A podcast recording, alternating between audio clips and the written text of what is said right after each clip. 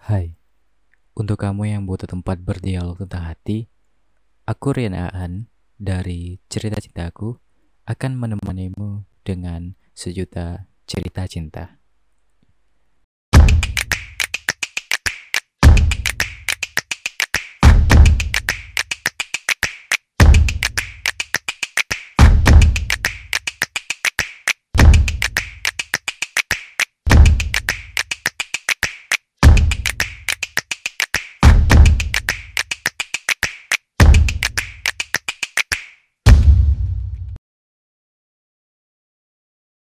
Semua orang pasti pernah merasakan cinta pertama. Berawal dari mengagumi, berakhir menjadi jatuh cinta. Tetapi tidak pernah mengungkapkan rasa cinta itu. Dan pada akhirnya, rasa itu hanya terpendam di dalam hati saja. di episode 3 kali ini, aku mengangkat judul mencintai dalam diam. Mungkin kalian yang dengar atau tonton video podcast ini pernah merasakan ada di posisi ini. Pilihannya ada dua sih. Kalian ingin mengungkapkan rasa itu atau bahkan kalian memendamnya mungkin bertahun-tahun Seperti cerita cinta kali ini, aku dapat kiriman sebuah cerita cinta dari salah satu mahasiswi di perguruan tinggi di Kota Pekanbaru. Nah, dia ingin menyembunyikan namanya dan untuk namanya aku beri nama hmm, Ana. Mungkin Ana ya. Ana ini menceritakan kisah dia dari tujuh tahun yang lalu. Jadi cerita ini dimulai sejak dia pertama kali masuk sekolah di sekolah menengah atas atau SMK. Nah, dulu itu lagi tren-trennya mempunyai apa ya gebetan gitu. Jadi Ana ini membantu temannya untuk dapat gebetan gitu. Jadi Ana ini mencari pasangan untuk temannya lah gitu ya. Dan singkat cerita Ana ini akhirnya dapat gebetan untuk teman dia dan kisahnya mulai dari sini nih. Dan akhirnya malah si Ana ini yang suka dengan gebetan yang dicarinya untuk temannya nah si Ana ini akhirnya mencari segala sesuatu tentang cowok ini. Dan akhirnya justru membuat dia makin mengaguminya, makin suka dengan si cowok ini. Dan beruntungnya, temannya si Ana ini malah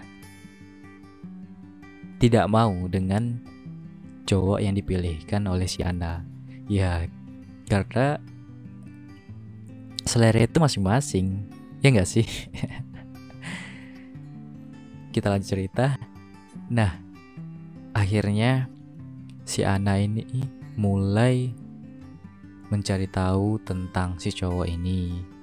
Tinggal di mana, terus dia kelas berapa, namanya siapa, motornya apa, bahkan sampai plat nomornya dia ingat gitu. Lalu ternyata sama-sama di kelas 1 tapi bedanya si Ana ini SMK dan si cowok ini SMA karena di Pekanbaru itu ada sekolah yang SMA, SMK, SMP itu ada di satu pekarangan gitu.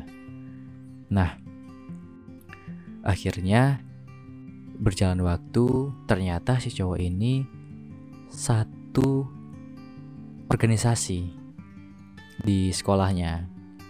Emang berbeda antara SMK dan SMA, tetapi mereka itu saling menyatu gitu karena sekolahnya lingkungannya di situ, aja. Nah, akhirnya si Ana ini dapat kontak si cowok. Nah, dulu kan zaman-zaman 7 tahun ke belakang itu masih BBM ya, BlackBerry Messenger. Dan akhirnya si Ana ini dia nggak minta secara langsung dan juga nggak minta dengan teman-temannya cowok. Jadi si Ana ini ngambil kontak si cowok ini dari teman cowok itu. Jadi nggak minta secara langsung. Ya dong, masa cowok, masa cewek maksudnya, masa cewek yang duluan minta gitu kan. Gengsi ya, cewek mah gengsi. Dan akhirnya si Ana invite si cowok dan diterima. Jadi Ana ini untuk awal chat dia nggak mau kelihatan kelihatan bahwa dia itu suka. Jadi istilahnya cek sinyal gitu. Si Ana ini salah kirim pesan dan akhirnya berawal dari salah kirim pesan itu kisah ini berlanjut tapi tidak berlanjut seperti yang kita harapkan. Nah, itu itu panjang ceritanya. Jadi aku akan ceritain pelan-pelan. Akhirnya si Ana ini mulai chat, chatannya itu sekitar tiga hari sih yang diceritakan oleh Ana. Karena ya cowoknya ini sih open, cuman nggak. Jadi kalau si Ana buka topik, ya si cowoknya respon. Tapi jarang si cowoknya buka topik ya mungkin nggak tahu juga sih alasannya kenapa tetapi ada di satu momen ketika ada di satu acara di ruangan yang sama. Ini lucu nih si cowok nggak nyapa si Ana dan si Ana pun otomatis nggak bakal nyapa si cowok dong. Nah yang lucunya setelah acara selesai malah si cowok ngechat Hai kok gak sapa aku tadi lucu dong masa perempuan gitu yang nyapa duluan? Ya harusnya cowok. Nah di sini mulai kebingungan. Terutama aku karena dia itu biasa-biasa aja tapi kayak ngasih harapan gitu. Kalau aku ada di posisi cowok ya aku ini suka dengan si cewek ini tetapi enggak untuk memiliki mungkin ya ya seperti itulah kira-kira. Tapi ya itu yang dilakukan si cowok. Dia itu kayak tarik ulur tarik ulur gitulah. Dan pada akhirnya si Ana ini malah makin mengagumi si cowok itu dengan si cowok ngechat si Ana bilang, Hai, kok nggak sapaan tadi? Jadi dengan kata-kata hai kenapa tidak sapaan itu si Ana ini malah menjadi semakin semakin mengagumi si cowok. Dan akhirnya cerita ini berjalan lanjut udah di semester eh maksudnya sudah di kelas 2 di kelas 2 ini tiba-tiba nggak tiba-tiba sih ya cowok si cowok ini udah ada pasangan nah si cewek si Ana ini otomatis buat hati dong ya karena dia mengagumi si cowok. Dan tahu-tahu udah ada gebetannya dong udah ada pasangan. Lalu akhirnya si Ana ini coba mencari tahu siapa siapa ya cewek beruntung asik. Siapa cewek yang menjadi gebetan si cowok. Dan akhirnya dapat ketemu IG-nya dan si Ana ini ngefollow IG-nya si cewek itu dan minta fallback via DM lalu yang balas malah cowoknya. Dia bilang itu uh, si Ana minta DM eh minta follow maksudnya. Minta follow dan si cowok eh si akun Instagram si cewek itu ngebalas ya oke. Okay. ini si cowok itu ini tit. Anggap aja namanya Asep ya. Ini Asep. Wah otomatis si Ana ini terkejut dong. Loh kok Asep yang balas gitu? Dan aku sebagai cowok gitu ketika aku ada di posisi si Asep ini aku merasa bahwa si Ana ini otomatis ada rasa ke aku gitu. Karena si Ana ini sampai ngefollow cewek aku sekarang istilahnya kalau aku ada di posisi cowok itu ya. Otomatis udah tahu dong apa maksud dari cewek ngefollow cewek kita. Itu ada maksud pastinya. Nggak mungkin si cewek ngefollow cewek kita yang nggak ada maksud. Dan aku agak sedikit bingung sih si cowok ini maunya apa sih gitu. Karena dia kayak memberi harapan tapi di satu sisi dia menolak gitu istilahnya. Dan iya nggak sih kayak gitu? Ngasih harapan tapi kayak diberi pertanyaan ber, jadi kita bertanya-tanya gitu. Dia mau nggak sih ya seperti kita? Atau aku bilang aja gitu. Tapi di satu sisi ya dia nggak beri harapan. Bingung sih kayak gitu dan ada satu momen ya menurut aku sih momen ini sangat epic banget gitu. Uh, epic banget halunya. Jadi si Ana ini cerita bahwa ketika ada ekskul basket nah si cowok ini nyamperin gitu nyamperin dan ikut main basket. Dan otomatis mereka main bersama. Dan si Ana ini ada sempat berkeinginan eh aku beliin minuman kali ya. Terus ngelapin keringat dia. Aduh. Sampai sebegitunya mengagumkan si cowok si Asep ini. Agak bingung melihat atau mendengarkan cerita dari Ana. Di satu sisi dia mengagumi di satu sisi kayak aduh nih cewek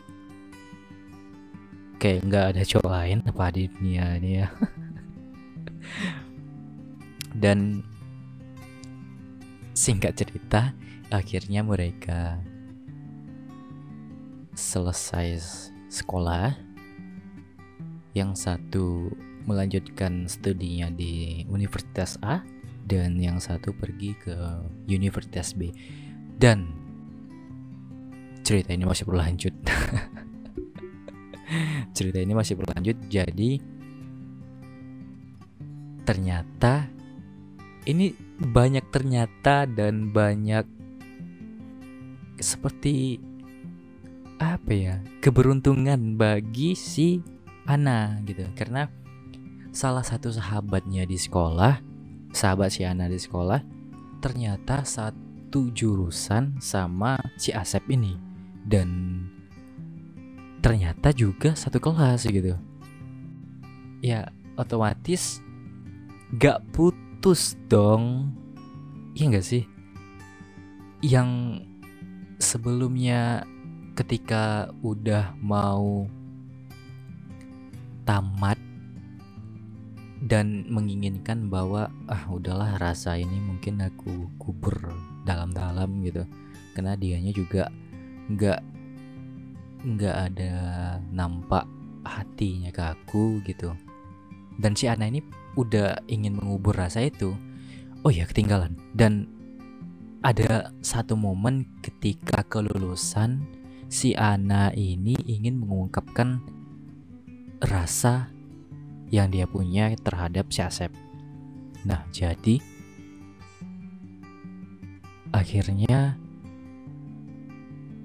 di hari kelulusan si Ana ya biasa dong uh, hari kelulusan keliling-keliling kota gitu coret-coret baju sih.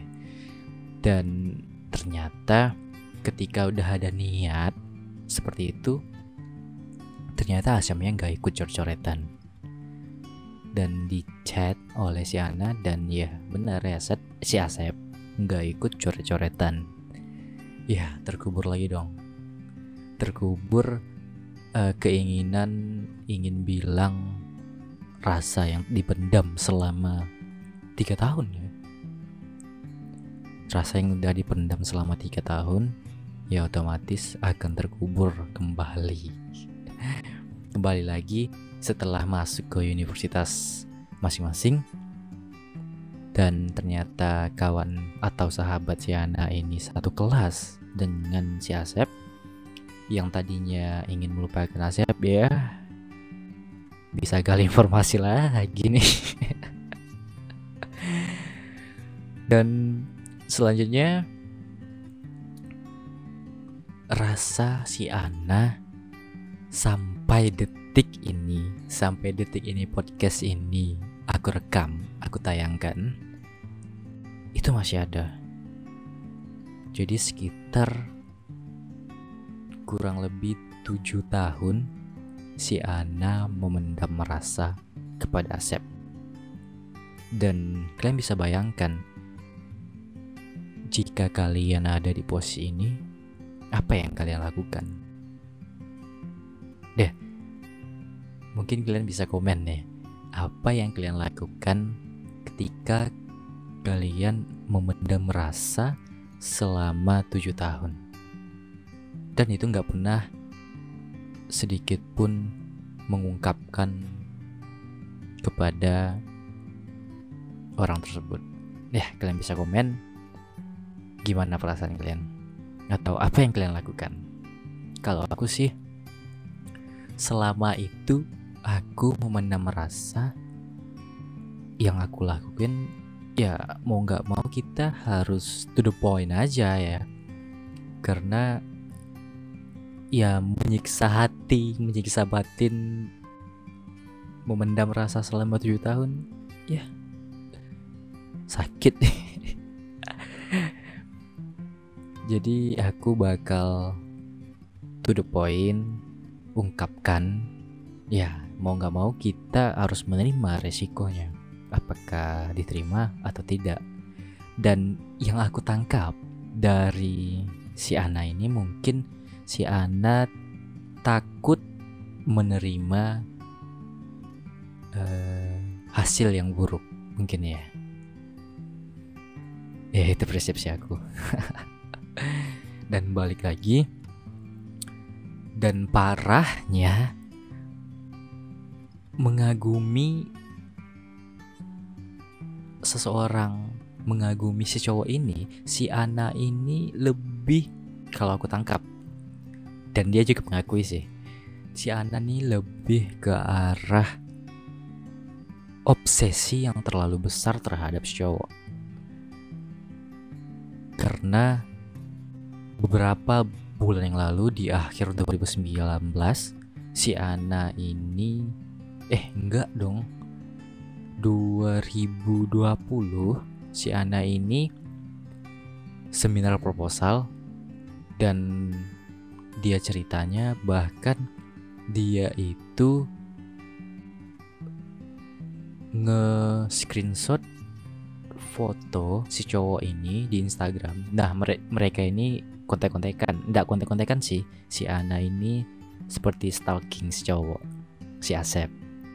Dan si Ana ada foto si Asep yang dia bikin screenshot dan dia bikin wallpaper. Gila nggak tuh? nggak memiliki ya nggak memiliki si cowok tapi memendam rasa yang begitu besar sehingga lebih ke arah obsesi dan dia bikin wallpaper itu lama sih katanya ada sebulanan dan mengapa karena si cowok ini ada satu momen ketika si Anna ada foto-foto dengan teman-teman SMK dia dan itu juga teman-teman si cowok. Nah lalu si cowok ini si Asep ini ngomen ke teman si Ana karena si temannya ini ngepost di instastory dia. Cuman bilang itu Ana kan? Itu Ana kan? Dan gara-gara itu disampaikan oleh si temannya ke Ana langsung si Ana itu kayak uh gila. Aku kayak terobsesi balik. Sementara pada waktu itu mungkin Ana sedang proses dalam move on kali ya. Dalam proses move on gitu.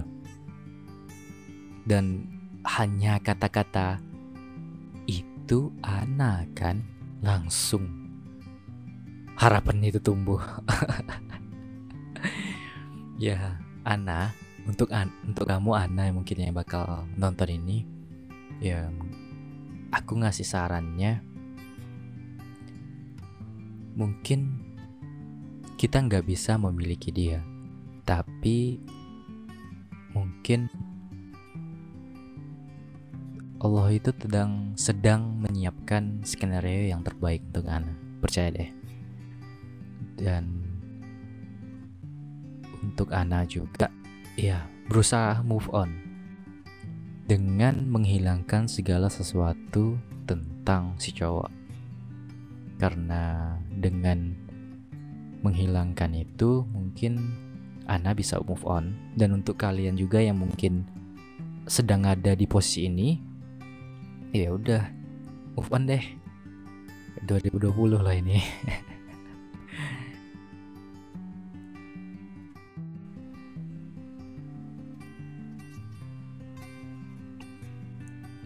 Dan aku kasih saran dengan si Ana ya mau nggak mau kamu harus terus lanjutin cerita cinta kamu sendiri.